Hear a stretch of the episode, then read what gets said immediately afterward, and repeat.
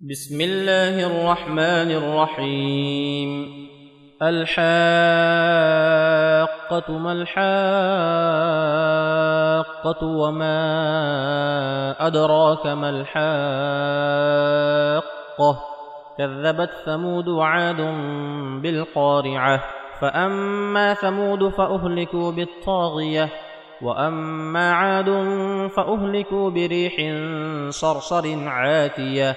سخرها عليهم سبع ليال وثمانية أيام حسوما فترى القوم فيها صرعى كأنهم أعجاز نخل خاوية فهل ترى لهم من باقية؟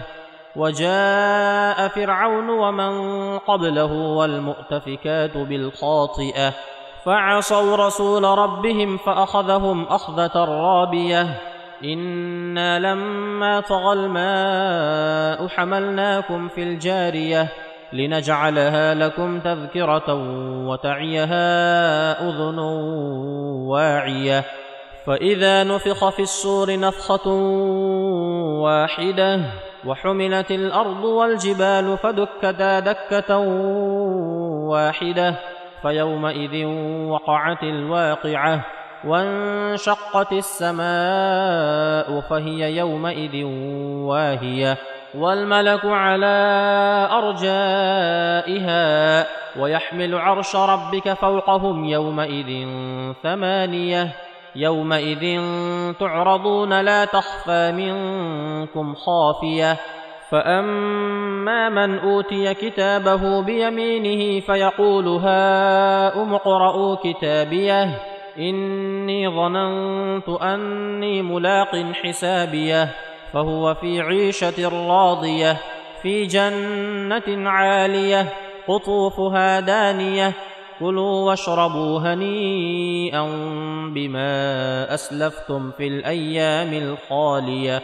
وأما من أوتي كتابه بشماله فيقول يا ليتني لم أوت كتابيه. ولم أدر ما حسابيه.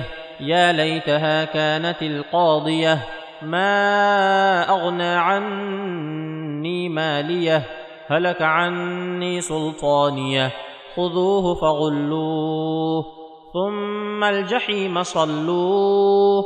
ثم في سلسلة ذرعها سبعون ذراعا فاسلكوه. إنه كان لا يؤمن بالله العظيم ولا يحض على طعام المسكين فليس له اليوم هاهنا حميم ولا طعام إلا من غسلين لا يأكله إلا الخاطئون فلا أقسم بما تبصرون وما لا تبصرون إنه لقول رسول كريم وما هو بقول شاعر قليلا ما تؤمنون ولا بقول كاهن قليلا ما تذكرون تنزيل من رب العالمين ولو تقول علينا بعض الاقاويل لاخذنا منه باليمين ثم لقطعنا منه الوتين فما منكم من أحد عنه حاجزين وإنه لتذكرة للمتقين وإنا لنعلم أن منكم مكذبين وإنه لحسرة على الكافرين وإنه لحق اليقين فسبح باسم ربك العظيم